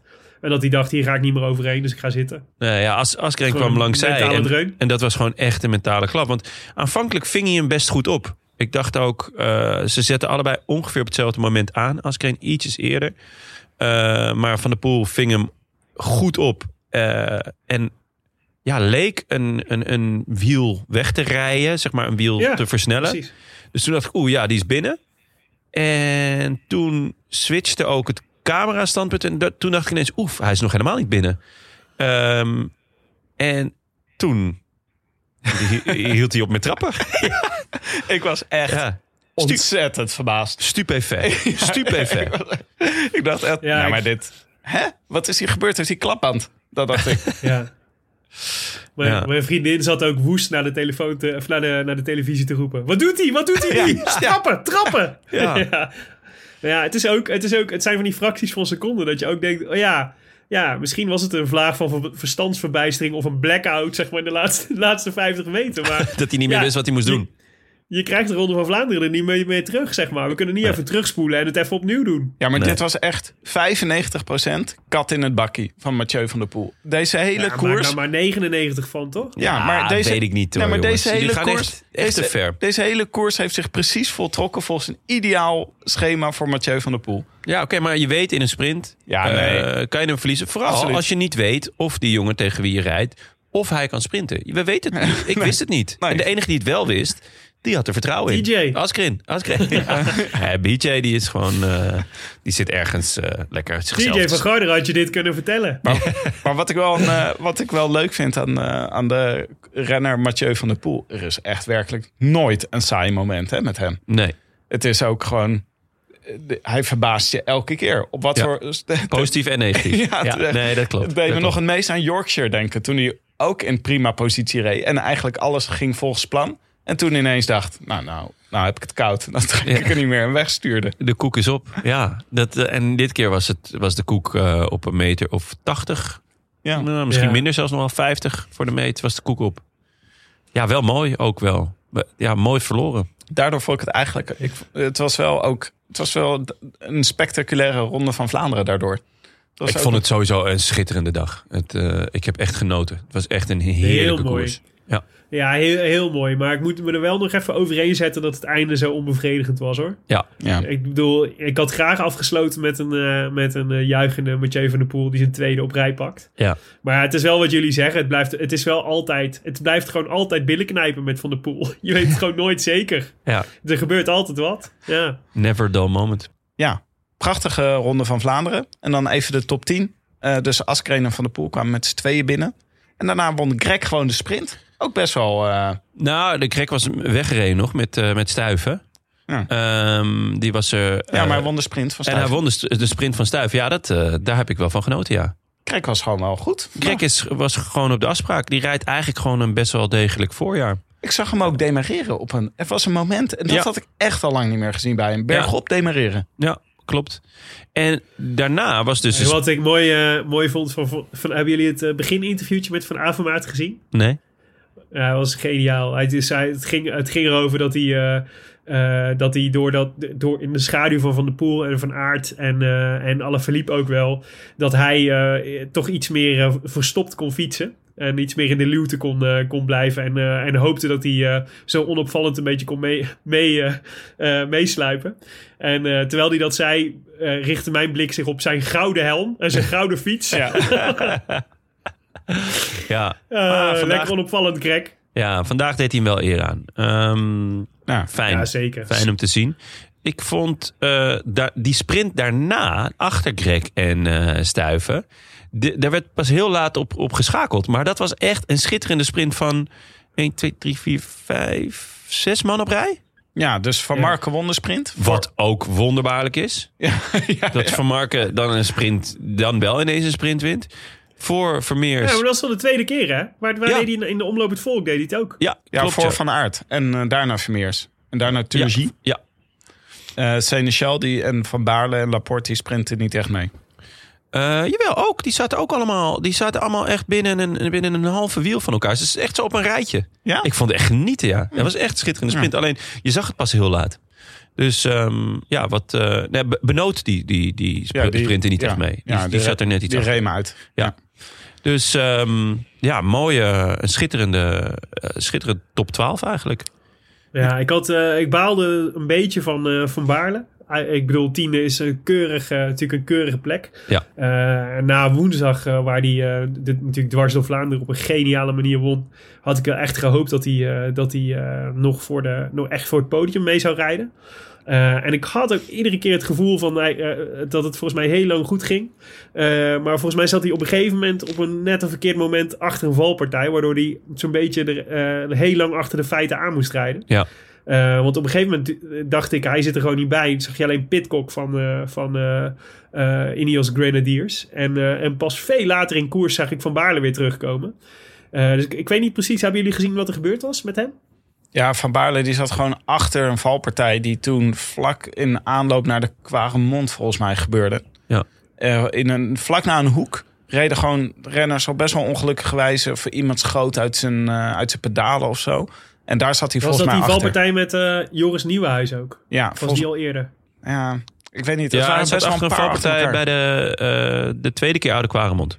En daarna moest hij Oh, ja. achtervolgen. Maar ik, eh eh, Pitcock, die was natuurlijk op. Daardoor leek het even. vol- Volgens mij was Pitcock gewoon degene bij eh Ineos Grenadiers die eh, het moest gaan doen vandaag. Maar die was echt niet sterk. Dus misschien had Nee. Pitcock toch. Van Baarle moest het wel echt gaan doen. Ja.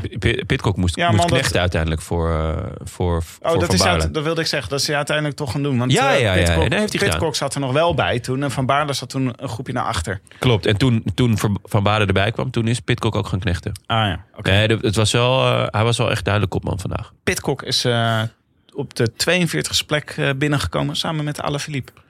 Ja, ja, dat geeft ook wel aan hoe slecht Allah was. Want die, die heeft het daarna gewoon volledig laten lopen. Die is eh, gewoon eh voorbijgereden door Victor Kampenaert in de Ronde van Vlaanderen. Ja, maar Victor Kampenaerts rijdt een verdomd leuk eh, eh, klassiekerseizoen. Ja, ben jij weer met de Wielergoedmachung bezig? Nou ja, nee, ik, ik, ik heb gezegd dat hij een gemaakte tijdrijder is. Was. Hij is eigenlijk een, klassie, een klassieker. Nou ja, hij heeft, hij heeft nu bedacht, van, want hij gaat niet naar de Olymp- Olympische Spelen. Want ze hebben in België namelijk twee, ja, toch wel echt natuurtalenten tijdrijders. Met Evenepoel en Van Aert. En hij heeft eieren voor zijn geld gekozen. En ik heb hem echt al heel veel leuke dingen zien doen. Eh, dan moet ik wel zeggen dat eh, José een redelijke killing one-liner over hem had. Hij zei, eh Kampenaerts ehm demareert als een zeilschip. dus ja, Ja, dat, ja. Dat, da- daar moet hij nog eventjes op oefenen. Maar eh, ja, hij heeft echt leuke, leuke voorjaarskoers gereden. En laten we hopen dat als de, eh, de grenzen weer open gaan... dat we hem een keer eh, te spreken krijgen. Ja, dat zou leuk Ja, zijn. Dat zou wel leuk zijn. Zeker na dit voorjaar. Oké, Hij verdient wel wat complimentjes. tot zover Ronde van Vlaanderen 2021. Voor de Ja, mannen. Bij de mannen, hè? Voor de Ja. mannen. Want de, want de jullie- toetje kwam nog. Want eh, we kregen daardoor, daarna kreeg je eerst een heleboel interviews en nabeschouwingen en zo. En daarna gingen we over naar de, vrouw, naar de dames. Eh, en eh, zijn jullie blijven zitten? Ja, Zeker. Eh, ja, dat werd de grote Annemiek van Vleuten show. Dus, eh, dus eh, er waren volgens mij twee momenten die mij heel erg opvielen. Het eerste was eh, Marianne Vos, die er, die er doorheen zakte. Dat was natuurlijk na haar zegen in eh dwars door Vlaanderen. Eh, waar ze de sprint won. Eh, volgens mij wel een van de grote favorieten. Misschien wel de grote favoriet om, de, om deze ronde te winnen. Die was kennelijk wel echt on a roll. Eh, maar zakte er doorheen. En nou ja, toen, toen bleef er een groepje over. En op de Paterberg, ik denk wat is die, kilometer of 15 voor de finish. was, ging, ging Annemiek van Vleuten in een mooie Movistar outfitje. Ging er, nou ja, en de Europese kampioenentrui. Die ging er vandoor. En die zagen ze niet meer terug.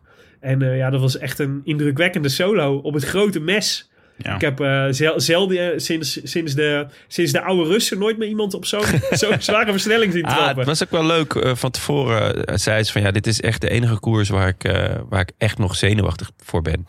Ook omdat het een beetje haar doorbraakkoers was, zo'n tien jaar geleden, Ja. dat, ze, dat ze deze won. En ja. ja, dat ze hem nu weer wint. Hij stond echt hoog op het lijstje. Wel nog even een, een, een live rectificatie, want Vos won niet dwars door Vlaanderen, maar eh Gent-Wevergem. Oh ja, geen Wevelgem. Dus, eh, ja. Nee, ja, schitterend. En eh, eh, de, de, eerste, de eerste klassieker ooit bij de, bij de vrouwen voor Mobistar. Dat is Ja, toch leuk? Mooi hè?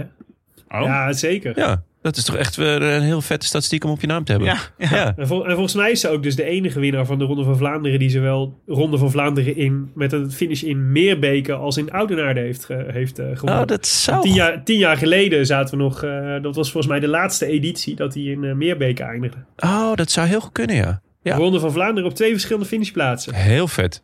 Leuk. Ja, Ja. mooi. Ah, mooie mooie Ja, koers zij- ook. Zij won dus voor eh, Lisa Brennauer. Die won de sprint van, eh, van eh, de, de achtervolgende groep. Grace Brown completeerde het podium. Oké. Ehm, is er nog nieuws van eh, vrienden van de show elders in de, in de wielerwereld? Nou ja, eh, Van Baarle won natuurlijk afgelopen woensdag eh, dwars door Vlaanderen. Na een, eh, een heerlijke solo van 50 kilometer. Ik vond het een beetje een rare koers. Omdat, Heel raar. omdat die, de, de afstanden tussen de achtervolgende groepen exact hetzelfde bleef, continu. Maar ja, heel vet gereden. Ehm, ja, eh, gewoon. Ja, en, eh, hij noemde het zelf een semi-klassieker, maar ik, ja, ik, ik vind gewoon. De, de Dwars door Vlaanderen is echt wel. Ja, die, die heb je wel graag op je lijstje, toch? Ja, wij deden gewoon hetzelfde hele als eh Buit eh, vorige Ja, week. vanaf bij nu? Ge- Gent, bij eh Gent-Wevergem. Toen zei hij, vanaf nu is dit een klassieker. Of Ja, een monument. Ja, Noemen wij eh dwars door Vlaanderen vanaf nu een klassieker. ja, goeie. Ja. Ja, het was wel, eh, ik, misschien wel, nou, hij won een rit in Parijs-Nice, die ook heel mooi was. Maar ik denk dat dit wel de mooiste zege uit zijn carrière is. En het is gewoon heel vet dat hij, eh, hij zei al natuurlijk al weken dat hij echt goede benen had. En dat zag je ook wel overal.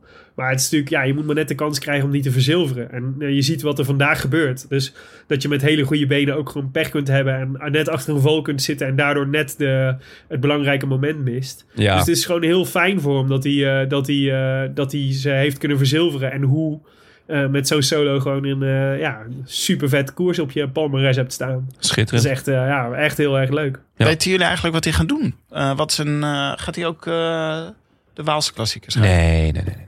Want dat zou die op zich ook wel kunnen, toch? Mm, Ja, hij zal, is- hij zal hij nu is- alweer richting Tour gaan, toch? Ja, denk ik ook. Hij won trouwens niet in Parijs-Nice, maar in ehm, de Dauphiné, toch? Uit mijn hoofd.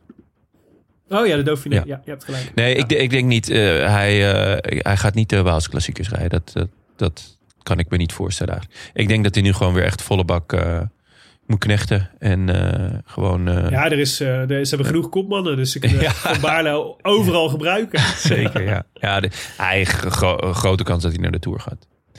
Ja, die En, ehm. Nog meer goed nieuws. Nog, misschien nog wel veel mooier nieuws. Eh, want eh, Fabio Jacobsen gaat weer fietsen.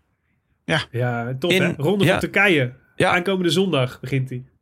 Ja, dat is toch wel echt, echt schitterend nieuws. Dat hadden we toch niet... eh, Ik had het even opgezocht. Het is, eh, eh, dus hij, hij viel in de Ronde van Polen en dat was op 5 augustus 2020.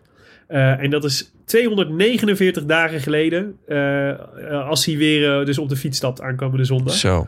Nou, als je die. Ja, we hebben hem nooit, ik heb hem nooit meer teruggekeken, die val. Nee. Maar ik geloof niet dat iemand toen had gedacht dat hij binnen 249 dagen weer aan de start van een, van een, van een profkoers zat. Ja. Ja, Ja, super blij mee. Echt Ben- super blij. Ik ben benieuwd. Ik ben ook gewoon... Ik heb zin om hem weer op een fiets te zien Ja, zitten. ja, inderdaad. Dat we gewoon niet meer het aan die val denken. Maar Turkije kunnen, dat kunnen we vast nergens zien. Ook niet in de... Zou die in de Eurosport Ja, ik, denk- komen? volgens mij heeft eh, Eurosport heeft hem eh, gewoon. Ik heb hem wel eens gezien hoor. Heb Ja, je- in ieder geval. Ja, maar heb je niet gewoon een satellietje? Weer- Ja, ja, Tim. ja. Oh ja, ik, kan, eh, ik, kan er bij, eh, ik heb heel veel buren die eh, van die schotels hebben. Je dus kan gewoon bij de buren Ik kijken. kom bij Willem ik kijken. gewoon, ja, ik wou zeggen, ik trek even zo'n draadje door, maar ik kan inderdaad ook bij hun kijken. Is toch leuk? hè? Nou ja, we, eh, zo. buren van Willem, als jullie dit horen, we komen graag bij jullie kijken naar de Ronde van Turkije. Oh, jongens. Goed, eh, dan eh voorspelbokaal. Wie hadden wij opgeschreven voor de ronde? Jonne, wie had jij? Nou, begin jij maar, Jonne. Je Peter, de Grote. de Grote. Ja, hij, eh, hij wordt vijftiende. Schitterend gereden. Fantastisch. De hele dag in de aanval. Eigenlijk eh, de sterkste man in koers. Dat zag je aan alles.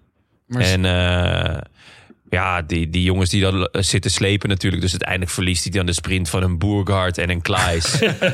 ja, weet je. eh, Dat kan gebeuren als je de, hele, de hele dag zo op kop hebt Als je de beuken. hele dag zo loopt te beuken, aanval na aanval, dan... ehm zag jullie, hij is wel helemaal... eh, hij is een soort nieuwe Peter Sagan. Hij is helemaal glad. Een soort dolfijn. Hij is helemaal glad gescholden. Ja, zonder snor en een Een six. soort toch fijn. Ja, Er is, iets, eh, er is wel iets gaande hè, met Peter. Los van, eh, los van wat, eh, Ja. de, de, de- wat ons natuurlijk de hele tijd al bezighoudt. Zijn liefdesverdriet en zijn herstel daarvan. ja. Maar hij loopt eh, uit contract dit jaar. Ja. En hij is echt, hij is natuurlijk een van de grootverdieners van het peloton. Eh naar verluid 5 miljoen per jaar. Vind ik nog Wat weinig. best veel is. Ja, het is, ja, voor de Peter Sagan van drie jaar geleden is dat absoluut, eh, is dat absoluut een koopje. Ja. Maar eh Bora heeft gezegd, we moeten nog maar even kijken of, we of we nog met doorgaan met Sagan. Want hij is inderdaad heel duur. Eh, en moet, kunnen we niet beter eh, voor een paar eh, jonge talenten gaan dan voor één zo'n eh, oude bok van wie we het nog maar moeten zien. Ja, Ralf Denk Ja. die sprak al over de dat hij in de herfst van zijn carrière zit. Hij is 31. Ik bedoel, Ja, als je, kijkt, als je de wet van Alejandro volgt... dan kan hij, eh, wint hij over negen jaar eh, de grote prijs Miguel Indurain. Maar, ik denk niet ehm, dat Peter een Alejandro is, eh, eerlijk gezegd. Nee, nee, nee. Maar ik, ik denk wel... eh, ik denk niet dat hij bij Bora blijft. Het, het, het, Ik ook niet. Maar dat Bora is de is- vraag. Jonne, jij als, eh, als eh, Saganista, ja, waar moet, waar moet ons Peter heen? nou, er kan er maar één zijn natuurlijk, Willem. Bahrein. Nee, man. Oh, Agastana. Lefebvre. dat is, Natuurlijk moet hij naar Astana. Dat ja, is nou, toch Astana echt- zou heel leuk zijn. Astana mist ook een type Sagan. Ja. Ja. Ja, gewoon iemand... Wat eh, bedoel, je met een type, wat bedoel je met een type Sagan? Iemand voor de klassiekers, iemand voor de sprints, iemand met swag. Eh, ja, ik denk dat hij en... ehm, eh, hoe heet onze, onze blonde vriend? De, de, de, de grote... Huh? Wie? Lut- Lut- De- Fino. Lutsenko. Finootje, ja. Oh ja. Fino en Sagan gaan toch goed samen? Dat kan niet anders. Ja, Ja, dat zijn, worden wel leuke gesprekken, denk ik. en eh, sowieso de, de, de ontgroening bij Astana. Een eh, long drink wodka atten op een stoel. maar en kijken het- of je er weer vanaf kan komen. Het wordt wel zo'n soort ploeg, denk ik. Als die weggaat bij Bora, wordt Ja, wel een oh, beetje... ik zat meteen, eh, ik dacht meteen, eh, het wordt natuurlijk Midden-Oosten. Ja, ja, maar soort- Ah, dat zou ik heel nep vinden. Dat vind ik zulke waardeloze ploegen. Zielloos. Naar de zandbak. Ja. Of naar Israël Pro Cycling. Kan Nee. hij eindelijk met Froomey gaan rijden? Nee, dat zou leuk dat zijn. zou ik ook dan een Froomey? Nee? Ja, misschien- ik ben Gewoon enige naar er Astana, Peter. Wie hadden Ja, jullie, ik jongens? heb- we, we hebben ook natuurlijk nog, eh, nog eh, Jumbo-Visma... dat de versterking voor de, voor, voor de voorjaarskern zoekt. Mag je knechten voor Van Aert zeker. Dat lijkt me echt te gek. hè? Dat lijkt me ook heel, heel vet. Peter Sagan een Jumbo-Visma shirt. En dan Ja. ook reclame gaan maken voor Jumbo-Visma. Al die Willem, reclames die Tom Dumoulin nu doet, die eh, Ja. kan hij dan overnemen. ja, dat is wel... Ja. En Wie had jij opgeschreven voor de voorspelbokaal, Willem? Ja, Gianni Vermeers had ik. Mooi. Keurig, eh, keurige zevende plaats. Echt goed ja, het is, gereden. eh, Ja, die is goed zeg. ja, Ja. heel goed. Ik had nog even de hoop dat ik dacht van als ze, als ze terugkomen op, eh, op eh, Van der Poel en Asgreen, dan, eh, dan moet ik het nog zien. Dan, eh, dan ben ik benieuwd wat Gianni gaat doen. Jij dacht die laatste eh, 25 meter, dacht jij... Oh, nou heb ik wel even hoop dat Vermeers nog terugkomt en hem pakt. Nee, dat was zo, nee, die laatste kilometers. Dat, Ja. dacht, dat is mooi, want eh Gianni Vermeers is de een van de weinigen die niks hoeft te doen in die eh achtervolgende groep. Die Ja. hield lekker de beentjes Dus- stil. Die, was, die Ja. liep lekker te storen ook. Ja, en je zag het, eh, nou ja, zevende plek. Hij sprintte aardig mee. Maar goed, eh, ja. Nou ja, jij had eh Turgie toch, eh, Tim? Ja, Turgi was, eh, nou, die, zat weer, die rijdt gewoon heel goed voorseizoen. Die- En hij heeft de vetste bril van het hele peloton. Nou, je ziet hem overal zitten. Ja? Ja, oké. nou, Nathan van oh, Hooydonk is wel even een van ander, ander verhaal. waar. Hè? Ja, Die krijgen we opgestuurd, toch? Ja, dat, ja, ik hoop het. Ja, Ja, als hij er weer is. Ehm, ja, en Anthony Turgie. Die wou ik graag bij deze nomineren. Voor, de, voor welke? Voor de Louis Mijntjes Award? De Louis Mijntjes Award. Hij pakt hem gewoon. Hij wordt weer achtste. Ja. Eh, vorige week ook al. Maar eh, eigenlijk sinds zijn... ehm eh, sinds Milaan Sanremo wordt hij geloof ik tiende, negende, achtste, achtste. Ja. Wat een degelijkheid. ja, toch? ja, maar hij is ook best een leuke renner. Hij, hij deed ook veel werk in de achtervolging vandaag. Ja, maar Louis Mijntjes is ook een leuke renner. Het is, het is een eer. Louis Mij. Ja, oké. nou ja, eh, wie had het goed onder onze luisteraars? Nou, dat viel, nog, eh, viel eigenlijk best wel... eh, Ja, iedereen Nee. had natuurlijk van de pool aard gezegd. ja, nee, maar... Hoezo? Onze luisteraars zijn toch gewoon super, Ja. super slim? Ah, Ja, zo. nee, maar oh, jullie hebben nog een pet dat op van er- onze luisteraars. Ja, dat oh nee, dat heb ik veel niet. waren die, eh Ah, die Askreen voorspeld hadden. Namelijk Fedra, Stefan C77, Mathieu, Redmar Woudstra, Vermetelvoort, Vermeld voor het. Vermeld Vermeldvoort. Dat, dat, dat was ook een... Koen Vermeld voor. Was dat niet een... eh, ook, ook een renner? Ja, dat is ook een renner, toch? Ja, zeker, Leuk. zeker. Hopen dat het familie is. Vermetelvoort was toch een leuke naam. Runner Paul, Jorg en Christophe. En eh, wie heeft de winnaar uit de Hooggoed getoverd? Nou, eh Runner Paul. Runner Paul. Gefeliciteerd. Gefeliciteerd, van harte. Neem even contact op via groetjes Of spreek je groetjes in middels een audiobericht op vriendvandeshow.nl slash de. Eh, en dan we het volgende week. En dat moet je wel echt even doen, want de groetjes van vorige week, Paling, die eh, zijn er gewoon even doorheen geglibberd. Ja. Ik heb Misschien- geen groetjes misschien is hij ontvangen. vergeten dat dat zijn, eh, misschien is hij vergeten dat dat zijn bijnaam is. Oh, dat zou matig zijn, ja. Ehm, ja, hoe, hoe, hoe, hoe bereiken wij... Hoe, hoe, hoe maak je contact met een paling, jongens? Misschien is hij wel genoemd naar de legendarische strip Paling en Co. Ja, dat was echt een heerlijke strip. Dat was later ook nog een heel vette tekenfilm. Ja? Een tekenfilm Ja, zeker. Ja, ja, echt een aanrader. Ach, dat ik dit gemist heb, ik jongens. ontzettend om gelachen altijd. Paling, als je dit hoort en je bent genoemd naar Paling en Co, dan moet je helemaal even komen melden. Eh, ja, we zouden volgende week zondag natuurlijk uitgebreid eh, gaan terugblikken en voorbeschouwen op eh, Parijs-Roubaix. Maar helaas. Boe. Maar wat is er komende week wel, jongens? De Ronde van Baskeland. Met een deelnemerslijst om je vingers bij af te likken. En een parcours dat minstens net zo geil is. Ja? Ja, ik eh, doe eventjes de, de, de grootste kanshebbers. Ehm, om even aan te geven hoe, het, hoe, het, eh, ehm, hoe de deelnemerslijst is. Eh Roglic, Pogacar, Adam Yates, Johnny Zagire, Valf Alejandro, Schachman, Vogelsang, Landa, Carapaz, Chaes en Bauke Mollema.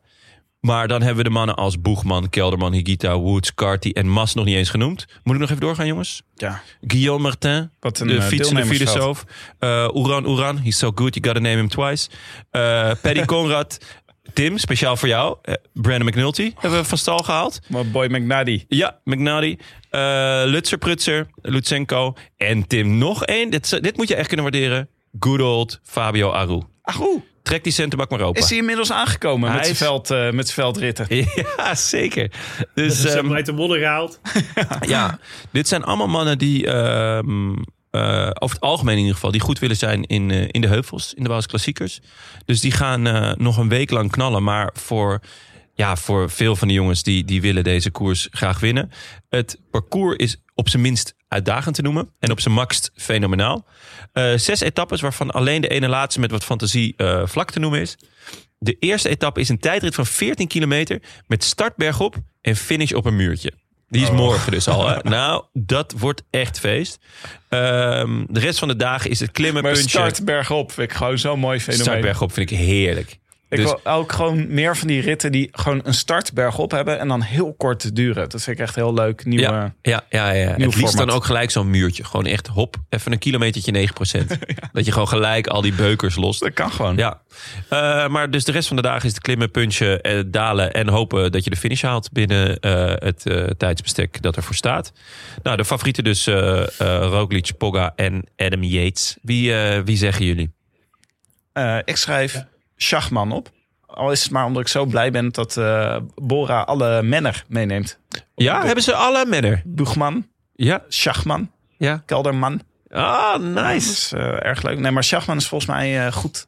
Hij heeft hem al een keer gewonnen volgens mij, Baskeland. Ja. Twee jaar geleden, denk Ja, ik. klopt. Zoiets. Willem, wat zeg je ervan? Ja, ik, ik ben dus echt een, eh een, een Baskeland noob. Ik, heb, Oh. ik, heb, ik, kan, ik kan me niet herinneren dat ik deze koers ooit echt met heel veel interesse heb bekeken.